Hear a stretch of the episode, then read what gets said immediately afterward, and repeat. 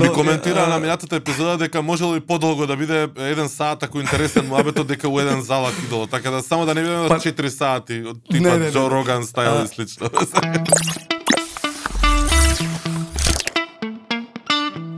Добро вечер, добар ден, добро утро, веќе како и да оди редот. Добредовте во уште една нова епизода на Комкаст, односно 95-то издание, 95-та епизода на Комкаст. Uh, и ги изнаслушав најкако ретроактивно некои од претходните епизоди, имаше доста турбуленции, позитивни коментари изминатиот период и сватив дека исклучително непедантен сум кога станува збор за оние формални најави, одјави околу околу овој комкаст и никогаш на почеток не викам ако ви се допадна ова што го слушате или ако сакате да не заследите или ако сакате да добивате известување за секоја нова епизода, кликнете subscribe на YouTube или на било која од аудио платформите а, на кои што сме достапни, а домашна задача треба требаше пред снимањето да проверам дали сме достапни на Дизер.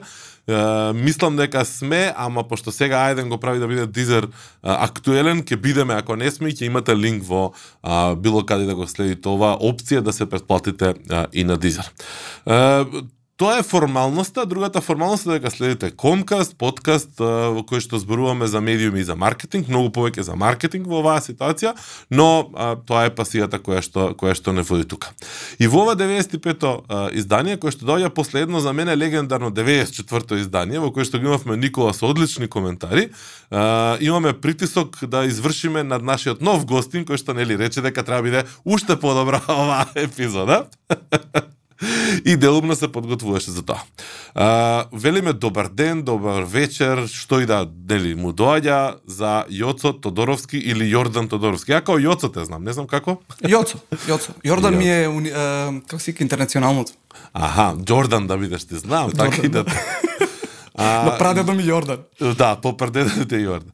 Значи, Јордан моментално физички, моментално, веќе 4 кусур години за кои што ја не бев свестен баш дека се толку многу, а, се наоѓа во Амстердам, меѓутоа е јас го памтам како дете, условно речено, од некоја прва, втора или втора, трета генерација на студии по е-бизнис на економски факултет, а, кој што онака баш супер храбро а, излегува и на нашиот пазар и на меѓународен пазар подоцна и почна а, со една екипа на луѓе кои што тогаш јас знаев дека дека а, нели се поврзани да работат супер супер работи. Не знам колку ќе сгрешам или не, ова го чував за изненадување јоцо, ама мислам дека а, еден од нај така сладките моменти кои што знам дека сигурно твојот подпис стоеше позади нив беше ньюзлетерот на Феличе Паста пред многу години. Да. Да, да, да, да, да, да, да. А, не знам дали се уште тоа постои, функционира, не функционира, ти имаш некаква корелација со тоа, не знам, ама мислам дека тогаш беше на моментот кога ми кажа, е, браво, ова е топ, сработено. Тоа се бара. А, ајде за да не бидам јас тој што ќе зборува премногу дури на самиот почеток, Јоцо те молам една формална, официјална, званична, лична карта бизнис да ни кажеш за себе нешто. А, важи, а, Јоцо Тодоровски, како што кажа, Јордан ми името кој што го користам страшно, пошто им е тешко да го изговорат името. Јоко, Јохо, Хоко, или има различни, различни варианти. А, три работи, а, има многу, значи, работејќи во дигитал правиш се континуирано, нели, знаеш и сам, а, но трите работи кои што нели, се како главни категории ајде на работи се дека првично сум маркетинг консултант, а, работам со со бизниси и тоа специјалноста ми е конкретно во креирање системи, маркетинг системи кои што континуирано им носат на бизнисите leads, customers, нели leads, sales и, и, и ambassadors или целиот тој круг да биде затворен. А, го гледам систематски, го гледам системски, ради тоа што сметам дека маркетингот треба да е поставен како систем, а, а не како засебни кампањи кои што само се фрлаат нели на лево на десно а, и решив да се устручам у тоа поле затоа го викам системски методолошки нели каде што се постава барем во диджитал поставуваш едно нешто и после го храниш и го подобруваш нели дали со трафик со со посети а, нели англицизмите ќе ќе бидат присутни во овој подкаст така да Да. извинување до сите кои што а, нели ми више преку глава да слушаат англицизми ама а, Тоа е тоа. Тој е првиот дел, вториот дел а, сум креатор. Од време на време имам а, потреба и причина да креирам најразлични работи, дали се тоа минимални дигитални продукти или или се работи за некоја нова апликација или нов проект или бизнис кој што сакам да го стартнам со со партнери, со луѓе, со соработници. А, и третото е од минатата година почнав да да а, се интересирам и повеќе да завлегувам полето на инвестирање, а, не класично инвестирање акции, берза или во тој аспект, него да видам на кој бизнис му треба помош каде што ја можам да дојдам како дел од бизнисот, а не само да бидам консултант или да бидам некој кој што или хонорарно или или на проект или не знам а, е клиент на мојата компанија или whatever. Така што тие се трите главни работи. Uh, супер. Uh, значи не те чепкаме за биткоин и слично, тука тука нема нема дискусија. Uh, сега си моментално во во во Амстердам, во Холандија, веќе неколку години таму работиш, меѓутоа ми кажа дека покрај тоа што освен тоа што фирмата ти е ти е таму, ни еден од клиентите во суштина и не ти се uh, не ти се таму. Ајде чисто за да добиеме целата слика, uh, од прилика каков тип на клиенти се оние со кои што сега работиш, чисто за да нели имаме некакво искуство во во позадината твоја и тежината со која што она што да. денеска треба да го дискутираме ни доаѓа. Океј, okay, вака, а, мојата специјалност е во главном B2C, а, во смисла бизнес to consumer, а, така што она на кое што се насочи минатата и предминатата година а, беше повеќе да помагам на а, луѓе кои што се како coaches, consultants, trainers и така натаму и така натаму. Значи некои кои што имаат таков тип на бизнес. Значи во еден дел конкретно каде што ја работам во консултант гледам такви да се бизнисите. А, но исто така А, во Бугарија, на пример, имам а, компанија, има агенција во која што сум а, дали партнер и а, конкретно за моје изненадување работиме со бизнис со брендови. Uh -huh. а, еден од брендовите е Jägermeister и други помали нели алкохолниот пијалак и други помали каде што можам се она што го знам во, од дигиталниот свет и го имам како искуство во изминатите 15-16 години, сега дојде време Дали го знаеш мемето каде што викаат кој е направи дигиталната трансформација во вашата компанија, као CTO, нели маркетинг офисер или COVID-19. Така што кога се случи COVID, сите компании почнаа да бараат начин како да отидат во нели полето се вика D2C или direct to consumer. Так. А, и реално со партнерот мој кој што е во Бугарија точно и тоа го направивме како како стратегија и реално работам и со бизнес и со брендови кои што се нели етаблирани, поставени на пазарот и сега само им треба начин, стратегија како да дојдат директно до самиот конзумер и да си го створат, да си да си создадат таа база или платформа каде што они директно можат да комуницираат и веќе директно да продаваат. Спомна неколку клучни термини. Маркетинг како систем, односно цел процес, а, нели, D2C, бизниси, брендови, трансформација и така натаму. А, дали ова значи дека всушност стануваш стануваме пошто јас се повеќе почесто се се фаќам и себе се дека сум бизнис консултант за да стигнам до маркетингот, наспроти дека само некој некој е спремен да влезе директно во маркетинг и да му обясниш чека се да го сработиме да те го сработиме маркетингот. Колку денеска всушност може јасно да ја подвоиме таа граница и во улогите во кои што се наоѓаш, ти колку лесно успеваш да речеш чеки сега, не сум ја ова, сум тоа или ова ти е маркетинг, ова ти е бизнис. Многу зависи од проектот, ти сам знаеш, многу зависи од бизнисот, многу зависи од проектот и многу зависи од собственикот или од бренд менаџерот еве поново колку е отворен за да можеш да дадеш и да кажеш од бизнис аспект зошто нешто има логика или зошто нешто треба да се направи. Така, кога на некој ти му кажеш ви треба да изградите платформа во која што имате 15, 20, 50 илјади на е, фенови или или корисници, консуматори на Jägermeister, треба директен контакт да имаме со нив и еве ги е, алатките, еве стратегијата, еве се што треба да направиме оваа година за да го достигнеме тоа, нели ти му даваш бизнис асет практично на тој бренд менеджер или тој на, на бренд или на бизнис, така. Така што апсолутно едно нешто барем кое што јас сум се стремел штом ти го кажа, сигурно сме ниста бранова должина на, на иста фреквенција, тоа е дека мораш да го знаеш бизнис аспектот, пошто маркетинг и продажбите се тука за бизнисот. И мораш да им ја најдеш во зависност од бизнисот или бизнис моделот, мораш да им ја најдеш улогата на едниот и на другиот. Некојаш маркетингот е overall, нели, чадор кој што mm -hmm. треба да има и врз sales да има нели влијание и инпут, но некогаш јасно се одредени маркетингот запира тука, дигиталниот маркетинг или кој да е запира тука, sales продолжува од тука, нели? Многу зависи од бизнис моделот, ама апсолутно модерен маркетер во денешно време треба да ги треба да знае како еден бизнис може да расте или како еден бизнис модел треба да се оформи, смени за да може маркетингот да функционира подобро. А, се договоривме кога денеска ќе зборуваме за така наречена pre-sale фаза, односно Да. а, пред да дојде продажбата, пред да влеземе она да бомбардираме со реклами, попусти, понуди, а, кликни, лайкни, шерни и слични ствари, а, имаме фаза која што или во фанел се вика awareness фаза или не знам фаза на развивање на свесност, дефинирање на проблем, потреба и така натаму, или ти условно речено оној како се вика оној а, итриот дел каде што луѓето мислат да, да, ви од маркетинг таму кај што нема потреба ја креирате потребата, значи у тој дел. А, Рековме дека ќе зборуваме за за таа фаза. Ајде кажеме зошто нели во изборот на темите кога дискутиравме рече е сакам ова пошто тоа најмногу сега го правам. Објасни ми зошто при сел фазата мислиш дека нели тебе ти е сега важна и каде е во целиот тој склоп на тој маркетинг систем. Според мене има неколку сценарија кои што можеме да ги распакуваме, може да дискутираме нели во зависност колку ни дозволува време или или колку си ти љубопитен, нели? Ми коментира на минатата епизода дека можело и подолго да биде еден саат ако интересен муабетот дека у еден залак идоло, така да само да не бидеме Па- 4 сати од типа не, не, Джо. Роган стайл А, и слично.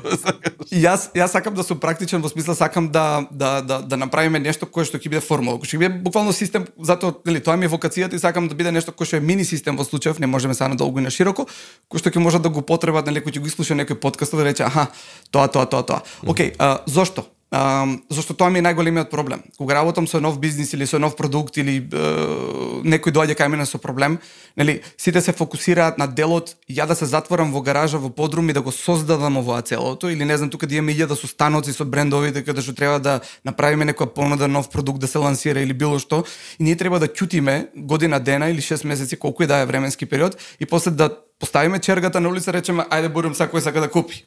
И погоди што? Сме го играле тоа оро, никој не купува. Во смисла купуваат двајца, купуваат пет души. Така, оке, брендот може да има 20.000 фанови или 60.000 следбеници на Инстаграм, но на крајот на денот на никој не му е гајле. Затоа што не влегол во тој а, а, а, контекст дека нешто ќе се случува за кое што треба да ми биде гајле. И сад тука има многу нуанси, има многу многу елементи, но пред продажбата ја ја сметам за важна и ја а, прокламирам дека секој треба да ја користи без разлика дали лансира нов продукт, а, дали а, релансира некаков постоечки продукт или има некоја нова понуда и за услуги важи нели истото. А, затоа што така многу се олеснува работата. И плюс дека сите брендови или бизниси прават зик ти правиш зак во смисла, а, сите се фокусираат на откако објавиме дека го имаме продуктот, така, еве го имаме попуст, имаме продажба, акцијата трае до тогаш и тогаш, нели? А пак ние во друг, целата работа ја ставаме пред да го имаме продуктот, за да можеме, најглавното, тука ќе го кажам првиот главен момент, да си создадеме публика од потенцијални купувачи. И тоа е главната поента. Пример, а, јас секогаш го користам Apple, знам дека ја ти си луѓе кои што служат не сме Apple, го немаме, ја немаме таа машинерија, така.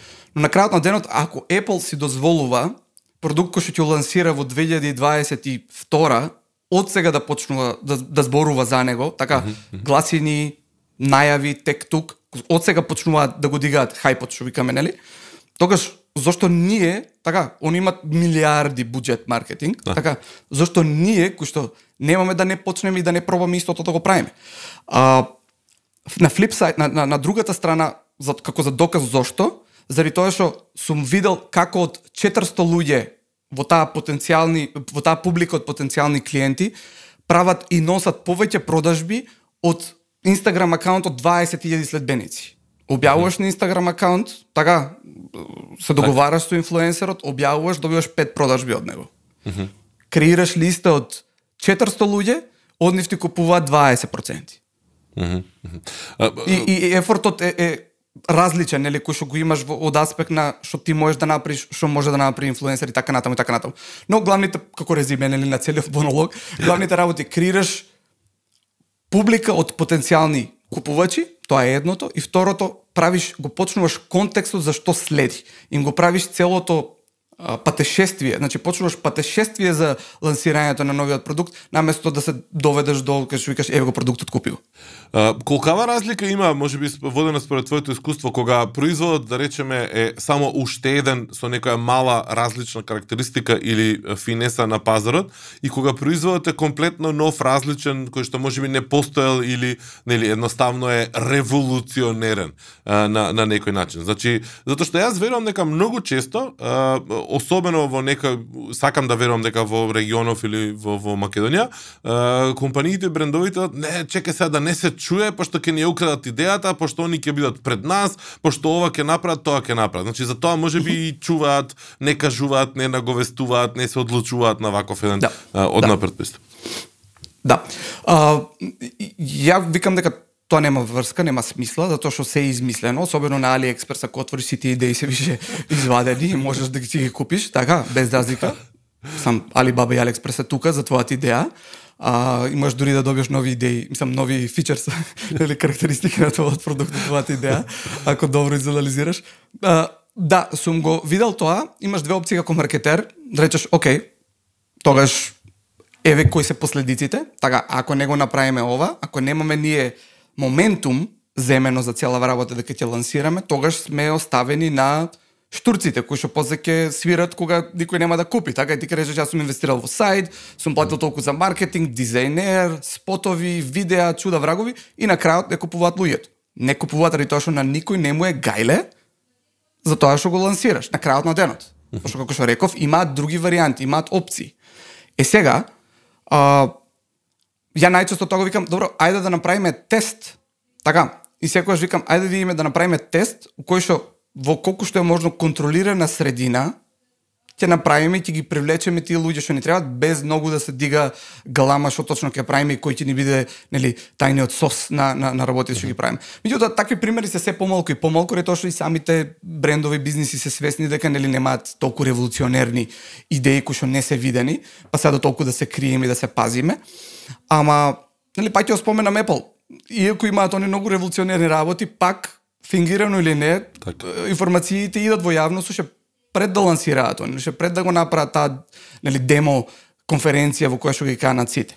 Така што живееме во време кога што информациите летаат на сите страни и ти колку да се трудиш да скриеш, пак на крајот на денот штета можеш да си направиш отколку да А, а, како изгледа, значи, знаеш како кога ќе се лансира производ или нова услуга или што и да е, имаш некаков буџет, имаш некаква проекција и викаш аха, волку пари сега ќе трошам, толку пари ќе трошам.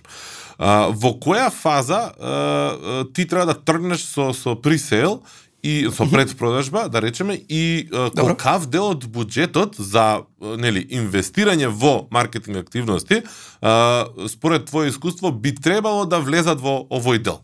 Значи во тој предпродажба делот. А, многу е многу е многу зависи од од од колку доверба ти имаат луѓето кои што се според некој твој пример, според некое лично искуство кое што сте го поинале за затворен кругот и можеш да кажеш е ние потрошивме не знам 50%, 20%, 30%, се покажа дека сме можели повеќе, не ни се исплатеше, ни се исплатеше. Значи не, не ти барам апсолутна бројка, него искуствено, искуствено дигам како сте ги Јас не поставиле. го гледам од страната на пари. Ја го гледам од страната на колку луѓе можеме да донесеме конкретно има неколку методи, но пластично кажано колку имейл сабскрајбери можеме да донесеме за нашава идеја. Или колку SMS сабскрајбери, нели, пошто сега SMS-от се враќа исто како канал кој што можеш да го користиш за да кон контактираш со со директните потрошувачи. А, и јас секогаш го мерам во и кога се договараме и кога пл- планираме и кога правиме road mapping session што го викаме, нели? А, секогаш гледам колку ние луѓе сакаме да донесеме пред да сме подготвени за лонч. И затоа сакам малку да вратиме неколку чекори на назад да видиме која е основната а, основниот фанел или основната инка по која што луѓе лансираат продукт или даваат некоја понуда. Добиваат идеја, викаат ја ова сакам да го правам, смислуваат продукт, прават вебсайт, се што треба да се направи, нели? И после викаат, ајде сега ние да го објавиме ова јавно и да пуштиме реклами. И идеме периодот во кој што пуштаме реклами, после броеме пари, чекаме продажби, така. И тоа е инката главна. Имаме, значи, прво идеја, после ја ставаме, имам, тоест продукт, ајде, продукт или услуга, ставаме продуктот и услугата, најчесто немаат понуда, само го ставаат продуктот и викаат ова е продуктот, купи го или не. Но ја ставаме продуктот или понудата на, на вебсайт и после тоа имаме кампања за носење на продажби или во најчесто знаеш и ти најчесто е awareness, сакаме рич и сакаме Да, да. трафик. Така, никој не вика како да оптимизираме за продажби. Друга тема е тоа. И ете ги трите основни чекори кои што се традиционални, стандардни, така. И сега се надоврзуваме на твоето прашање, каде го ставаме пред продажба? Пред продажба го ставаме уште пред да ја формираме понудата и може би продуктот. Зависи колку дозволува сценариото или случајот, конкретниот случај, така. И за да одговорам кога ти почнуваш со присел, јас секогаш викам почнуваш месец до два порано пред да ја лансираш продуктот. Тоа е ultimately. Во реалност не се случува. Така, гледам колку што можно барем 3-4 недели пред да лансираме нешто, веќе да имаме извадено еден дел и тој дел прв го викам а, објава, announcement. Така, прво да објавиме дека тогаш даваме крајна одредница, тогаш ќе се случи ова, ама го даваме 3-4 недели унапред, така. И секогаш во зависност од идејата или бизнисот го комбинирам и сега за- завлегувам во пластичниот дел. Тоа што го ветив. Да, да, да, да, да, апсолутно. сакам да ги дадам чекорите кои се. Така. така. И сега, тука веќе имаме две опции. Зависи колку пари имаме, колку време имаме. Тука затоа го кажувам ова, за да го поврзам и со парите. Така, буквално сум стартувал бизнис идеи со прашалник на Typeform или на Google Form. Каде што правам еден прашалник и викам, еј, ова сакам да го лансирам, или овој, или наш клиент го има овој, оваа идеја, го решава овој проблем, и сакам да се поврземе со луѓе кои што го имаат овој проблем, и имаме неколку прашања за нив. За чисто да знаеме дали има смисла од цело ова. Кликни тука, одговори ни ги прашањата, така, за да видиме, нели да, с- да, да, да научиме од тебе, ти да научиш од нас, ова е далеку, како ќе се случува тогаш и тогаш. Зошто е добро? Заради тоа што ти не им викаш на луѓе сега ќе купиш, не им ставаш притисок дека нешто треба веднаш да се случи, ги повикуваш на патешествие, на джерни, така? Да, Сакаме да. да одиме во една насока.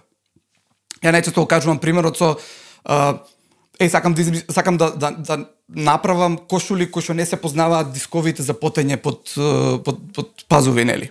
А, као, ова ми е идејата, ова сакам да го направам, дали некој го има истиот проблем и сака да дискутираме на тема. Буквално тоа е прашалникот, така? Во прашалник, и сега, каде, каде е убават, сега, каде е кечот, ајде, маркетиншки кажам. Во самиот прашалник има поле за имейл, во кој што викам, ако сакаш да, да те продолжувам да, да ти известувам за ова, така, остави го имейлот, незадолжително е полево, нема спам, нема глупости, многу искрено, многу директно сакам да се поврземе и сакам на вистина да видам дали можам да креирам вакво решение за тебе. И тогаш е моментот каде што го кажав дека јас сакам да измерам колку реално луѓе можам да соберам со првите 10, 50, 100, 200 евра во адвертайзинг, колку луѓе ќе дојдат. И сега гледаш различните параметри, но да не одиме во Vanity Metrics, што ги викаат нели американците, најважно ми е колку луѓе кликаат, реално колку се заинтересирани за цело ова, за целата приказна, и колку луѓе оставаат имейл. Така.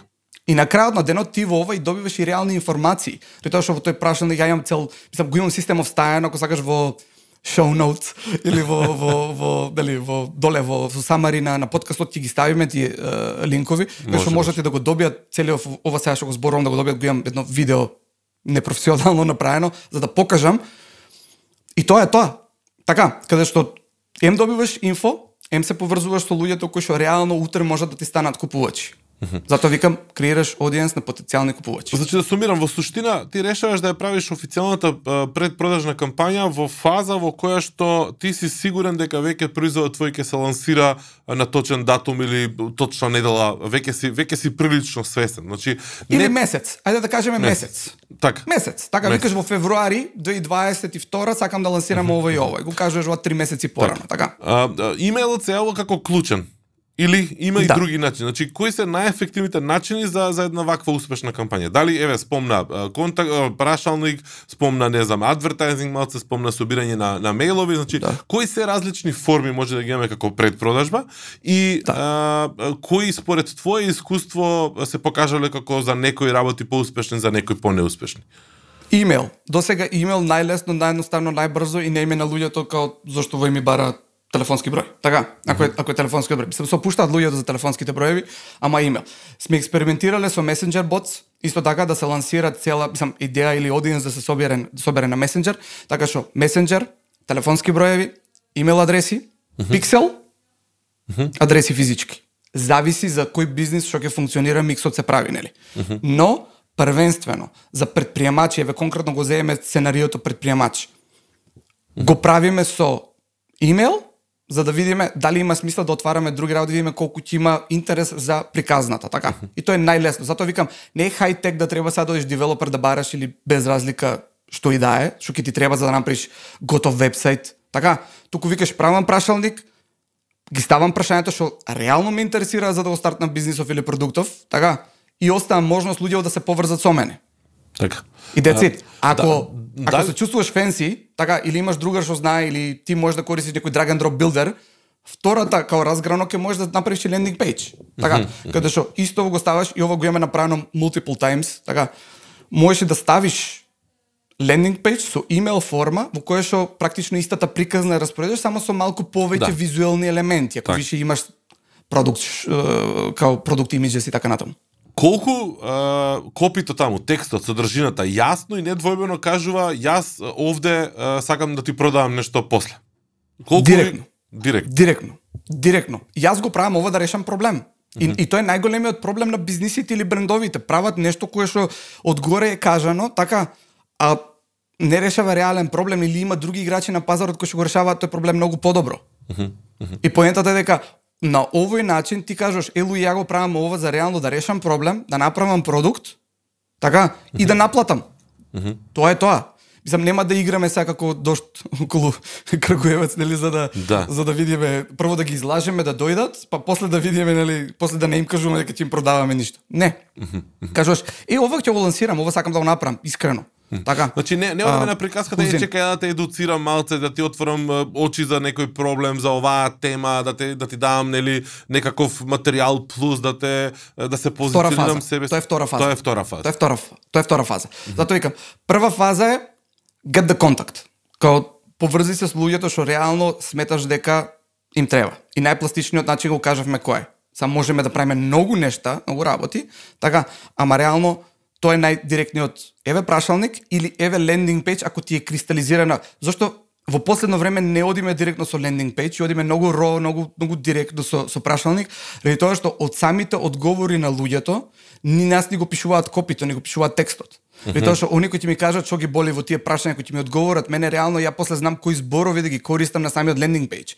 И затоа тогаш, пошто брендовите сакаат визуал да видат, нели? Затоа тогаш одиме после првата недела со прашалник, го заменуваме само го ставаме лендинг пејџот, затоа што горе доле више имаме 500 до 1000 луѓе, hopefully, нели, надежно, кои што и влегле во, во, во, во нашиот свет, така? И ни кажале реално, еј, абе тоа е супер. Тука има многу интересна приказна за за Феличе Паста. Спиро, собственикот на Феличе Паста, кога дојде, ме поврзаа со него, и Спиро имаше сосема друга идеја. Спиро немаше план да прави Феличе паста, немаше план да прави паста, in general. Uh, Вау. Мислам дека беа бургери. Спиро сакаше бургери да прави. И дојдоа кај мене и беше као дигитална стратегија, социјални медиуми, као ти си човекот, let's do it. Ја викам, не. не е така. Ја вика, зошто? Ја викам, заради тоа што од кај знаеш дека сакаат бургери. Пошто стварно имаш седмица, така, имаш Да. Бизниси кои што живеат долги години од бургери и се име за бургери, така, зошто бургери? Ќе бидат вакви, ќе бидат со чисто телешко, ќе бидат ова, ќе бидат био, вакво, тако, викам, топ, супер. Ајде да тестираме, да видиме. И сега исто во ова со прашалникот што го кажав, да видиме како се тестира за brick and mortar или за, за, за обичен бизнис, така? И му реков, кои ќе бидат клиентите? Кои ти се ултимейтли, ако ти утре треба да избереш и јаве ги сите чекаат со парите у раце, кои ти кои сакаш да купуваат кај те. И он ми рече па луѓе кои што работат банки, кои што работат IT компании и така. Топ. Супер, викам, стој тука. Ти знаеш три компании, јас знам три компании, Џорџ знае уште три компании. Ајде да направиме тест мени. Дизајнер наш ќе земе и ќе направи еден флаер со три бургери што планираш да ги правиш и ќе ги пуштиме во банките, ќе се јавиме кај наши луѓе, ќе ги пуштиме во банките да си нарачаат. ќе ги направиш во или ќе изнемиш некоја кујна која што знаеш дека ќе ти дозволат пријател некој со ресторан владевар или дома напреги на крајот на денот, така. Но идејата е да го исценираме искуството дека нарачуваат од веќе, веќе бизнисот стартува од денеска да речеме така. Ајде викаме еве со три бургери да стартуваме. Прво беше не, као, нема шанси, не, нема шанси тоа да правиме, не е фенси, не е вако. Викам, окей, као ти решаваш, ама последиците се дека можеш да флопнеш уште на старт. И никој да не... А рачуни му викам, ќе земеш продавам, не сам ќе земеш кујна, продажен салон, се тоа, така. И он вика, и после се подразмисли, као, окей, ајде. Го направивме. Од 9 таму кој што ги имавме банки, IT компании, мислам дека во 4 отиду, ако не се лажам. Така, четири ко- компании нарача. И му реков, ти ќе бидеш човекот кој што ги носи. Као не се представувај дека ти си твој, ако сакаш кажи им, нели, ама Да. викам као само биди таму додека ги пробуваат, као да им направиме дегустација. И што беше најако, му реков дека цената ќе биде со тоест ќе биде понуда цела работа. Не for free, не гага, пошто гага фри сите сакаат. Да, да, да, Така. реално, да. Колку колку сакаш да ги продаваш? Па од ки 150 до ки 190, 200 денари. Топ. Ајде ги дајме за 99 денари. Let's do it. Го направија 4. После кога ги направија се слушаме. Му викам како? Вика бе, супер, сите ги сака. Како им се допадна, топ. Викам, аха, а нешто друго има ли? И викам, ама беа као не знам, смее ли да се пцуе на подкаст? Да бе, зашто? Као вика беа fuck yeah, као многу беа добри бургери или беа као, абе, топ се. Вика, па второто, абе, топ се. Викам, аха. Викам, како да ги направиме подобри? Ги праша нешто, као што и не им се допаѓа, што им се допаѓа. Абе, вика, ги прашував, као сите кажуваа, нели на жар, да бидат вакво, да бидат да мирисаат, вака да мирисаат, така. И Викам, ама нешто, и ја осеќам дека нешто не е како што треба во муабето. Викам, што е работа? Вика, абе имаше вика од колешките што беа сите таму, Ко сите праша, абе, паста оти не правите. као, као паста ни фали, као лесна, може со мевце, може бе, паста ни фали. Ни паста многу ми нарачувале ако имате паста. Као, окей се Бугарија, абе, паста. Ја мој Спиро, паста треба да правите. И он вика, а, не, не, нема шанси, ваква формула, такви плескавици, чисти, не знам што. Викам, не, паста треба да правите. И викам, окей, викам, не, викам, окей, ние ќе тераме. Викам, окей, терајте. По две недели пак ми пишува као Феличе паста. као Феличе.мк вика. Овака ќе се вика. И топ. И го почнавме целата прича. И сега целова вели приказ да ја кажувам за точно тој дел, дека ти реално кој ќе се по, еден од бенефитите дека кој ќе се поврзеш, ем ти го пишува копито, така текстот, знаеш луѓето како се изразуваат, кој им е најголемиот проблем, а од друга страна дознаваш дали ќе ја биде или не понудата, или продуктот, или услугата, нели? А, супер, супер пример и знам за уште еден најмалку кој ќе го раскажеш малце подоцна, пошто ми вети дека ќе го раскажеш. Да, да, да, За оваа приказка. А, оно што би сакал следно да прашам е, е, значи, да речеме дека има статистики кои што викат дека месенџер и чет ботови, особено месенџер ботовите, имаат многу подобар open rate, имаат многу подобар response rate и така натаму отколку имейл. А, не имаме ние искуство, сме работеле меѓутоа во многу ограничена, да речеме, а, сфера а, сме работеле и не као класичен дел од класичен фанел. А, Тоа што ние сме го работеле, сега го кажам конкретно. А, колку можеш да сега од твоето искуство да ги споредиш месенџерот и имейлот и каде се се исплати да инвестираш повеќе у моментов? Да речеме ако треба да одлучиш за еден или друг канал во некоја фаза. А, има комплетно друго поле кое што више неколку години го, го мислам и го дискутирам со, со, со блиски маркетери, пријатели така натаму, тоа е креирање на маркетинг асец, креирање на маркетинг капитал за самите бизниси или за самите себе си да доколку го правиме нели за нас. Така што ова што го наброја ти спаја во колку маркетинг асети или капитални инвестиции можеме да направиме со нашиот маркетинг. Така, ја не сакам на Марк Закерберг цел живот да му даваме пари. Или не сакам на било кој да ми зависи мојот учинок, да ми зависи од платформата на некој друг. Така, конкретно за чет ботовите зборувам. Така, Така. утре чет ботот ако падне или нешто ми ги земат јузери, ја не можам да ги експортирам, не можам да ги однесам на друго место. И затоа мене при срце секогаш ми е имейлот. Така, во последно време почнуваат и е, е, како се вика телефонските броеви и и и и, и физички, физичките адреси. Многу луѓето сакаат да добиваат на домашна адреса нешто кој ќе може да го пипнат и кој ќе е подарок и кој ќе е кутија, така. Mm -hmm. И мислам дека се враќа полека тоа. Потешко е за работење, така, но а, реално а, како се вика вреди. Мислам, вреди од, од типот на што ќе остане а, а, како како а, капитал на, на самиот бизнис или на самиот бренд.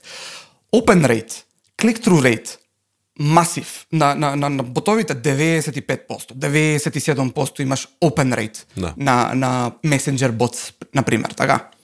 Да, да. Но, несигурноста од типот на што како функционира и колку е баги системот и колку Facebook те ограничува на месенџер, па вакви пораки можеш, па вакви не можеш, па јузерот треба да е неколку дена во контакт со тебе, па не треба и сето тоа ме уморува. И најчесто нема немаш време, нели ти да го и, и та и таа комплексност да ја решаваш која лансираш или која работиш на кампања, така. И од тоа малку сум одвратен едно време бев многу all in, ама на крајот на денот или како сум, сум, сумарно на, на се што го кажав е треба да имаш секаде поставено нели посадено нешто кое што расте. Mm -hmm. Така што ја не би го исклучил едното или другото или не би заложил на едното или само на другото. Оти Ден Кенеди, маркетерот, сигурно го имаш чуено, вика најголемиот, нај, најлошата бројка во маркетинг е еден. Еден извор на клиенти, еден извор на трафик, еден извор mm -hmm. на било што така. Е, тоа ќе беше следно прашање. Кога правиш пресел, односно продажба, дали се фокусираш mm -hmm. на еден канал, на еден mm -hmm. фанел или mm -hmm. паралелно градиш повеќе различни во исто време, нели како продажба?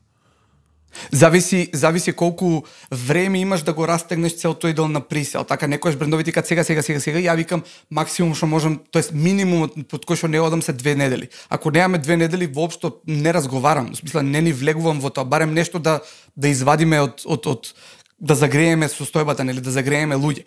Така што ако имам повеќе време, Ако ја го контролирам проектот, имаме long term маркетинг програма, договор со некој бизнис, тогаш може ми три месеци унапред да запреми да вклучиме прво имейл, па после да вклучиме бот, па после да вклучиме пикселот, ретаргетинг и така натаму и така натаму, како ефтино, така.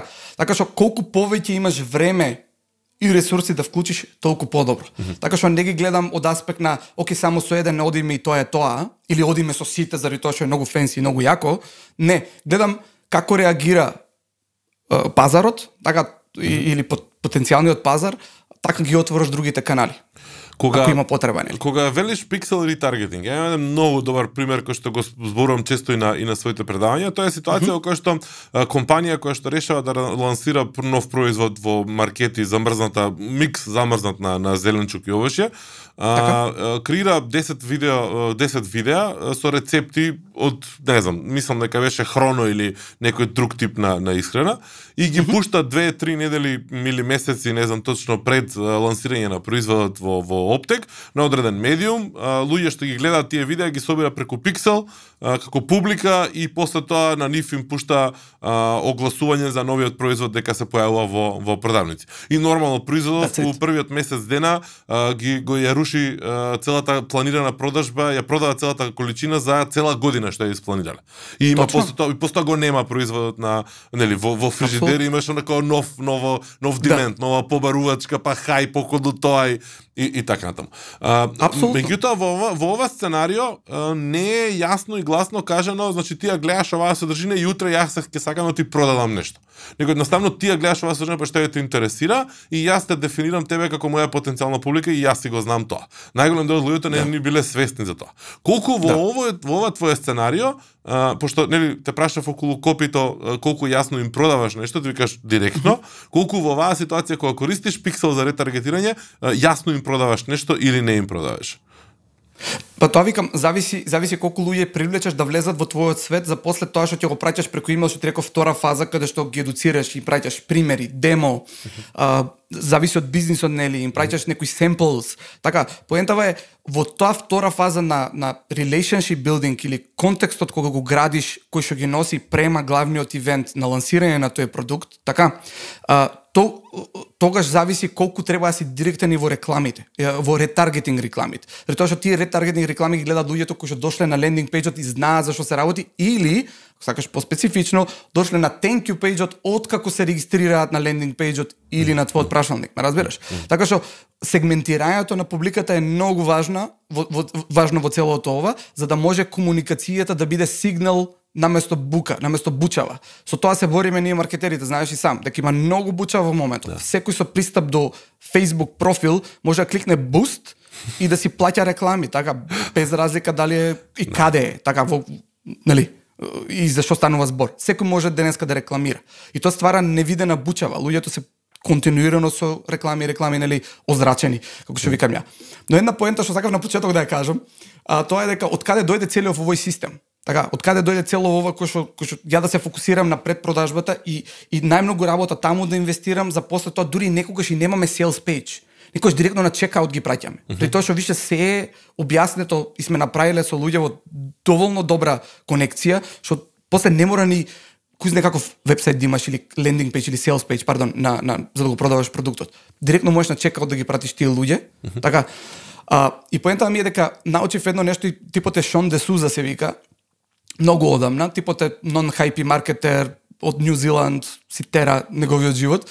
А, кажа нешто кое што мене ми остана дека луѓето купуваат пред да платат. Луѓето купуваат многу подолго пред да платат. Mm -hmm. И затоа моментот на предпродажба работи. Земи го Холивуд, лансираат филм. Така.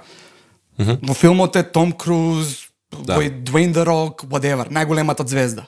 Ако они инвестираат пари да го хајпаат филмот 6 месеци, година дена унапред со еден тизер, втор тизер, интервјуа, па ва, па ва, има цела, нели, лончпед кој што го има цел процес, uh -huh. а филмот се лансира 2022.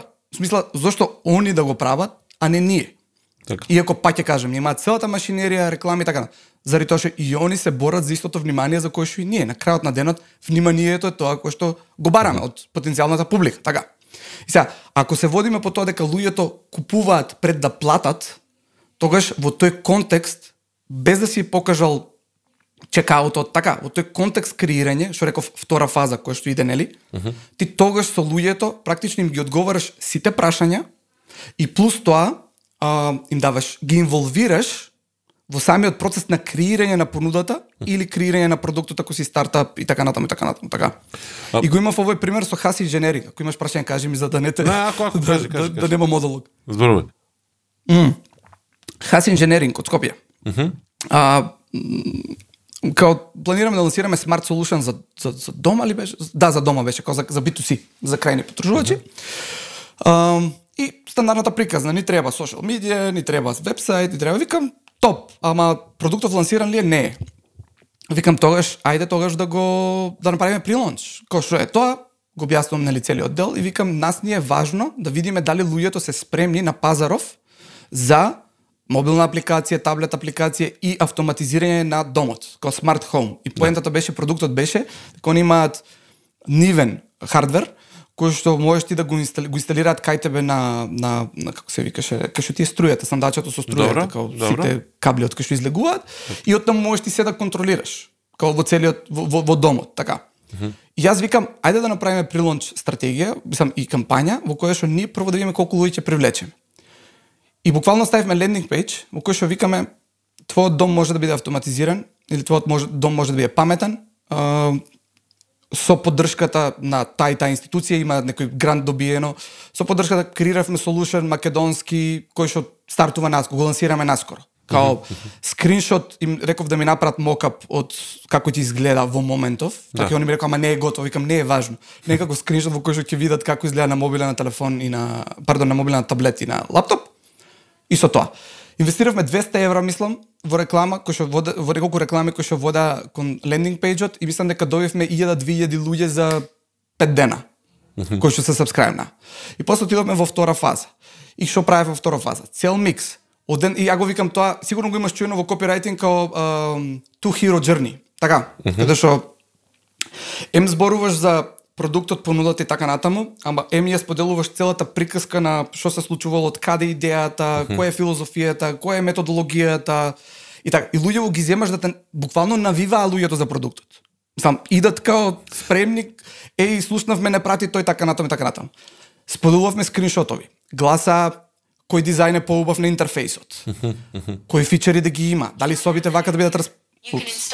Sorry. дали дали uh, да бидат uh, бојата, тоа собите вака распоредени, така распоредени и mm -hmm. се до моментот на дали ги возев, сам го возевме целата приказна, ја возевме до моментот на лансирање. Они ни помага, како ги користевме како консултанти за да ни помага да го шепнеме, сам да се да се оформи целиот софтвер во случајов. Да, во суштина вие сте ги нели да бидат дел од производот, пошто тоа е целата приказка. Да. Он тие се чувствуваат сега како да се дел од нели креаторите на тој производ. Нормално дека ќе го ќе го купи постоа без да, без да праша и колку пари, затоа што ќе каже чекај ја помогнав во ова, ја следам причина. На некој начин ова ќе му даде некаков сега кикстартер шема. Мислам нели кикстартерот е е тој момент. Имаш некаков приланч кој што нели ако се соберат луѓе, ти ги споделуваш своите да. своите своите искуства во меѓувреме или од кога ќе се лансира, нели, кога ќе се заврши, кога ќе заврши проектот, па постоја ги известуваш, нели, инвеститорите, односно луѓето кои што се претплатиле или ти помогнале да го направиш производ до кај Не толку со пари, нели, како така. Kickstarter е веднаш ќе покажуваат нели да, цената и викат да, плати да. си за да бидеш дел од ова. Да, така, да, тие се посебна структура и клапа на луѓе. Така. Така, Дали немам ништо така, против. Но вамо идејата е дека ти добиваш буквално Јасно, јасно. советодавно А, тело кој што реално кажува што му треба. И, и изназбор еден куп работи, меѓутоа, пошто ми стоев дека како точка е да видиме дали може нешто плюс може да кажеме. Значи, како мериме успех? А, во смисол на, јас верувам дека, нели, се во некоја ситуација ти се директно продажби, во некоја ситуација се и, нели, word of mouth, во некоја ситуација се и чисто фидбек на, на, на корисници. Меѓутоа, дали пред да тргнеш, викаш, аха, чекај се, индикатор за успех ќе биде тоа и тоа, И да. ако нешто друго успут ти се деси, не викаш као, добро, барем awareness дигнавме, нели? Да. да. или Не, или а- како ги поставуваш тие работи, тука околу мерење? Не, не, гледаме математички во целото. Сега ја многу ги кажувам чекорите, значи пак да повторам, прва фаза беше mm. креираш одиенс, и го добиваш контакт информациите, после почнуваш цела фаза на имейл конверзација, ајде пластично кажано, mm -hmm. праќаш имейл апдейтс и плюс ги инволвираш луѓето во тоа што го правиш и ги подсетуваш дека тогаш и тогаш лансираме или ако не лансираме се измрдува лончот за mm -hmm. тогаш и тогаш. Така. Mm -hmm. И сега, што е кој е саксесот? А, ја одам секогаш на варијанта дај да направиме математиката колку ние сакаме да продадеме реално од овој продукт кога ќе се лансира. Така. И ако ние имаме 1000 парчиња од нешто, Јас велам добро во тој случај значи дека ние од резултатите кои што ги имам видено и конверзијата кои што имам видено во ова и ова поле, може да калкулираме 20% конверзија. Така? Кој што означува дека ние одиенсот на купувачи кои што треба да го донесеме е X. Пута, така, ако да. 20%, ако 1000 треба продадеме, 20% од Така. нели, од X се 1000, математиката е таа. Толку луѓе инвести, мислам, сакам да инвестирам во толку луѓе да донесеме во целиот пул, така, джеп на луѓе, Така.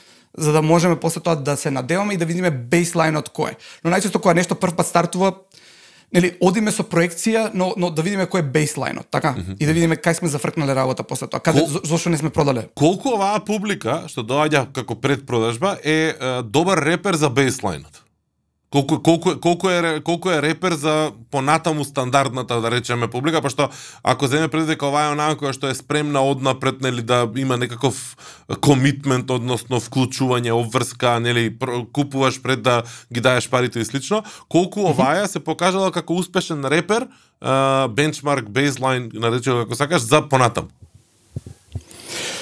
Сад се обидувам нели да најдам примери во, во, во глава кои што кои што реално можат да го покажат или едното или другото. Во 80% е добар бенчмарк или добар бейслайн. Зошто? Ради тоа што ако ги услужиш тие луѓе, и пази, како предприемач да кажеме, ти ќе го научиш бизнисот со овие 2000 луѓе што си ги приклучил. Така ќе го затвориш кругот од идеја до go to market, до, до си им го шипнал и они го користат и и ми е, и, и, и го препорачуваат, така. И после ти можеш да размислуваш за growth и за scale, пошто си го затворил кругот, нели сега тука можеш да ви, да речеш, окей, што фалеше, што можеме да подобриме за и така натаму и така натаму. Но поентава ми е дека у 80% од луѓето кои што, мислам, од 80% од случаите, тие луѓе се бенчмарк и дури се буквално основа, заради тоа што еден типац имаше, мислам го знаеш, 1000 uh, Through Fans, Да. да. знаеш од uh, KK нешто беше, Кевин, не знам кој беше. Така што идејата е дека ти треба да го најдеш јадрото на твојата на твоите купувачи, на твојот идеален профил на купувач, така преку ова. И после тоа ти реално ќе знаеш скейлот, кампањите и така натаму со, на кој реално му маркетираш и на кој реално треба му зборуваш или за кој реално треба да правиш експириенс, како маркетинг експириенс, сам бизнис и така натаму. Така што реално во хас инженеринг случајот, значи додека траеше втората фаза, така, дека траеше втората фаза, буквално луѓето препорачуваа, се јавија банки кои што сакаат да си го направат смарт клонот, нели ги банкарски клонови, нели луѓе со викендици, а, а, градежни компании кои што сакаат цели комплекси да ги направат смарт. Така што има многу сајт а, странични бенефити кои што тебе можеби ќе ти отворат други бизнес бизнес перспективи. И најчесто тоа се случува. Ти отвараат други ниши што ги викаме ние, нели? Да, Да, што можеш ти и друг оферинг да лансираш после тоа. Така. Тоа што знаеш дека си привлекол и друг тип на на луѓе. Така. Во 20%, нели да сум доврзан, во 20% некогаш си привлекол погрешната публика. Тоа, тоа. Добро, 20% погрешна публика, 20% од ситуациите од, ситу- од, од, или од вкупната публика што ја привлекуваш ти е погрешна. Или 20% од случаевите промашуваш. Не, некогаш, еве ќе ти кажам пример, се случи, лансирав здрави, здрави пијалоци во, во Бугарија. И, и сега, ова е бейслайнот што го кажувам, нели, овој процес, пристапот, така е бейслайнот. И Сега Да. ти ние тоа што направивме на првата фаза на најавата и на audience building делот, дадовме вирал на вирален сегмент, вирален модул. Што значи ова? Ова значи дека секој кој што ќе влезе да остави имейл, после тоа направивме дека ти ако поканиш пет пријатела да, Да, дојдат во нашиот прилонч, да. добиваш продукт Херис или кој да бе или Долар Шеф Шеф Клаб ако не се лажам, нели имаше некој не Херис беа. Каде што кога ќе донесеш луѓе во нашава кампања, добиваш за мислам добиваш продукт без да се надпреваруваш. Мислам, Така, пет луѓе ако направат sign up, добиваш ова, 15 ова, 20 ова, 30 ова. Да. И сега тоа што ја го научив е дека има луѓе кои што се сегмент промо hunters. Да, да. Така. Да. напаѓаат и доаѓаат и ние буквално без никаква реклама само го објавивме на социјал медија 15.000 луѓе за 4 дена. Отиде вирално многу. На сајтови, на препраќања, на големи фан пејџови, така. Ма тоа си посебна клапа од луѓе. Да. Кои што доаѓаат, ти не се купувачи. И тоа е лекцијата што ние научивме, така. Ради тоа што Ама тоа е де факто ради тоа што собственикот сакаше да не ги покажеме као да нема да не зборуваме за пари за колку ќе се продава, нели да не бидеме толку директни, да бидеме бренд е, нели експириенс. Викам окей, окей. Така, ама тоа ни донесе, тоа ни донесе нели и затоа викам во 20% од случаите можеш да привлечеш и погрешна публика. Ама се реорганизираш и правиш нов прилонч. Е, супер. Е, во минатата недела имаше обид да направиш предпродажба на оваа епизода на Практично ти причи. на, на Комкастот, чисто за да го демонстрираш она што она што е, нели треба да го зборуваме и планиравме да го зборуваме е, денеска и е, имаше пуштено контакт форма, односно баш прашалник некој кај Да. себе споделено за да со неколку прашања, две три прашања, не знам точно колку беа. Uh, јас пред себе имам uh, скриншот од прашањата тука. Се обидувам да видам што е различно од она што до сега не го покривме. Ќе ги прочитам некои од нив онака што што ми делуваат интересно, пошто добар дел од рад веќе ги покривме со оваа дискусија. Начин да. за зближување со купувачите и примери за нивна интеракција. Uh, добро, ја мислам дека покривме. Ајде. Ако можеш поеме. само да го прочиташ делот кој ше за кој бизнис станува збориле кој сегмент. А, веројатно овде е алкохол, пури и подароци за джентлмени. Мислам дека е тоа така п- панданно. Чекај само да го уклучам ја пример Ајде, за да, за да можам да Ајде, бидам види. да бидеме точни. Во, во линија. Ама после ти ветив уште еден пример нели кој ше Да, кој да, што да. кој што сакаш да го Да. споделам, така? Да, да, Да да. си да си бидам до крај. Не заборавам, не а, се исполнителен. А, да. Се отвара. К- к- Начини за, за, за зближување со купувачите, да, алкохол, пури податоци, точно. А, тоа е. А, тука примерот ти што го кажам, мислам дека изигра најдобра најдобра улога во смисла а, кој ќе купува, нели секогаш кој ќе купува пури. Така, од една страна имаш луѓе кои што се во таа класа на луѓе, така, кои што уживаат во тој дел, а од друга страна па кој нив би им подарил пури. Така, mm, нивните, нивната сопруга, мислам неговата сопруга, Така, така. бизнис партнер, така. И сега, работата е, ке се навратам на главната приказна. Луѓе, луѓето купуваат пред да платат. Но има уште еден дел, кој што е пред тоа што идеја, тоа е луѓето пред да купуваат, така, пред да, пред да, пред да купат, одат на шопинг. Односно гледаат опции кои би можеле да бидат, така. И сега, што значи ова? Ова значи дека ти ако сакаш да активираш некој таргет публика која што е ова да го гледаат како подарок за некој си човек, нивен важен бизнис партнер, сопруг и така натаму, тогаш ти може би треба да направиш контент, содржини кои што ќе им помогнат да им изберат подароци, не само за твојот, туку да речеме топ 5 луксузни подароци за CEOs. Така. Каде што ти ги носиш прво таму, буквално ти ова што кажа со, со замрзнатите продукти, ги носиш таму, луѓето им даваш опција М ги пикселизираш, така ги означуваш со пиксел за да можеш да ги ретаргетираш понуда. Не сум го потребил вака никогаш, извини. се, се обидувам странските поими да ги, да ги адаптирам. Да. Добро. А, ги означуваш со пиксел, кој што станува се потешко и потешко со новите промени од Apple, ала ги ги означуваш или додека се во тој артикл, таму имаш понуда или имаш опција за да ги едуцираш колку е важно и како да изберат правилни пур, нели правилната пура, е, што има друго, подароци, алкохол и така натаму за тие луѓе. И кој луѓето сакаат квизови, може имаш квиз кој што е као да имаш квиз као за овој човек, опиши го човекот кој што ти е важен, некој директор да речеме, така, и види кој подарок е за него. И ти, да ти избере после треба ваков алкохол, вој бренд, тој бренд, Така. ваков виски, таква пура, Така. нели, ти направи комбинации, така натаму, така натаму. Супер. Ама сума сумарум е прво ги носиш некаде ш- нив да им го реши проблемот за да можеш ти да си го решиш проблемот. А, на таа тема ни е и вториот пример овде што го издвоив ја да го спомнеме, а тоа е како би продал IT алатка во индустрија со ниска IT писменост. Нормално продуктот е не е нормално, туку продуктот е здравствен менеджмент, односно а, а, IT. Ја ќе си давам за за слобода да предпоставам дека ова е или за за болекари, односно стоматолошки ординации, а, или за нешто слично, мислам Наверојатно. вака а, предпоставка а, груба. Е, не знам, ајде, мислам, тој е тој момент на ја не би не би им продал IT алатка уопште, не би ја крстил тоа IT алатка, ја би им го решил проблемот. Значи IT алатката проблем е го само решаваш, да. Да, значи тотално не се Кој проблем фокусираш ти дека ова IT алатка него му стоиш на располагање за да ти за да го решиш проблемот. Тоа што може да го имаш на телефон или на компјутер или кај да е, знаеш, само начин како да го како да решиш проблемот. Не се. Тука проблемот е позиционирање, не е проблемот маркетинг. Проблемот е позиционирање. Позиционирањето иде пред маркетингот. Има една многу добра книга на оваа тема од Април Данфорд, мислам дека е obviously 8 се вика. А, и, и, и нели би препорачал на на сам на кој кој кој дни има пишано за ова да ја, да ја прочита каде што буквално има типката споделува 10 чекори како да позиционираш продукт, IT продукт конкретно. Така што е многу специализирана е книгата, ама дефинитивно тука имаш проблем ради тоа што сега дали е не знам, дали е станува збор за само B2B, у смисла ќе го користат ова, нема да има крајен под, под сам крајните потрошувачи или пациентите нема да го користат или ќе биде како софтвер кој што го користат пациентите и заболекарите у случајов па за да контактираат меѓусебно, нели? А ако е второво, тогаш ја тоа што би направил е би се фокусирал на да донесам доволно доказ дека луѓево бараат вакво решение и го сакаат ова и после да ги споделам тие информации со заболекарите.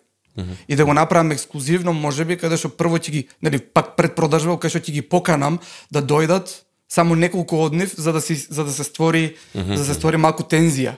Дека кој го има, кој го нема, нели, за да може да да да да, да се дигне вредноста на тоа што го продаваме, ама дефинитивно би го искористил пак да се поврзам со крајните потрошувачи, да кажам еве по кои проблеми ги имаат, еве го нашиот софтвер кој што го решава ова и плюс тебе како заболекар ќе ти го реши ќе ти го дигне бизнисот или или не знам. Тоа е целата работа, треба да видиш кои им се проблемите на крајните корисници, пациентите од страна на букирање, не знам, а, со станот, мислам не со станоци како се викаат прегледи со докторите, а од друга страна пет што им треба на докторите. Од искуство на докторите им требаат поише пациенти. Мислам, тоа е, ако можеш тоа да им го решиш, тој случај имаш имаш продукт. И останува да, нели, го споменеме, го раскажеме за мене омилениот пример, затоа што долго време Да. веќе веќе зборувам дека ми е супер пример и кога дознав дека стоиш нели во во оваа форма и, и, и ти за тоа баш ме беше мило. А, примерот со предпродажбата, односно начинот на продажба на а, фитнес програмите на Ана Стојановска беше така? Стојанова. Стојанова. Те молам, методологијата. за сите што не ја знаете Да. Ана Стојанова, ќе да знаете. Да, Треба да значи, знам. да. а, окей, а, се, се, се запознам без Ана Стојанова, мислам, требаше да, да, да, да започнеме бизнис со работка 2019 и започнавме бизнис со работка 2019 и реално, нели, и затоа и, и ти го предложив да го тема да на муабе да биде пред продажбата, ради тоа што Кајнезе исто така е беше добар момент и добар кейс стади во кој што видовме колку е важна пред продажбата и колку е важно ти директно да се поврзеш со луѓето уште пред да продаваш, иако она имаше програми, ама ние викаме добро, дај да видиме како да ги реорганизираме програмите, фитнес програмите за на вистина да имаат резултат девој, девојките кои што ќе ги користат. Така, и од кои ќе знаеме, а за да го знаеме тоа треба да се поврземе со нив, тогаш ајде да направиме секој продукт да се лансира, тоа секоја програма или програмите да се отвараат после а, период на предпродажба за да знаеме точно колку луѓе имаме, колку девојки доаѓаат, нели, кои се интересираат, што прашуваат, кои им се проблемите, какви вежби им требаат, какви рецепти им требаат, каков експириенс им треба и целото тоа фактички го градевме, го градевме, го градевме и кулминацијата нели беше крајот, нели почнавме крајот на 2019 и кулминацијата беше 2020, каде што целиот систем на АНА се промени, дека одевме на варијанта прво да имаме процес на предпродажби, поврзување со предпродажба малце звучи многу остро како сакаме ние нешто да им продадеме. Не, поентата е предпродажба го викам заради тоа што ја купуваат идејата или го купуваат филингот или потребата за да си решат проблем со дали е со накачување на килограми или симнување на килограми. Така и фактички креираме моментум во кој што девојките влегуваат и кажат е заедно одиме сите и затоа Ана има армија позади себе нели од девојки кои што реално ја, ја, ја следат и се приклучуваат на незините програми. Така што истото го правиме сега и за физички продукт. Еве Ана има и фитнес планер кој што го лансираме во моментов додека го зборуваме ова. И буквално беше ние најавивме дека ќе има фитнес планер, имаше прво процес и лендинг пејдж во кој што можеш да си букираш, да си резервираш. Сега другата фаза во меѓувреме комуницираме со тие девојки и Ана комуницира нели на на сошал на, на Инстаграм, па имаме период во кој што сега имаме во предпродажба, така? И сега тек ќе влеземе во продажба, така да целиот процес пред да се случи цело ова е фактички различен за ние да малку да да учиме за бизнисот, така и, и за што им треба за да им го решиме проблемот на девојките и така да имаме повеќе повеќе продажби.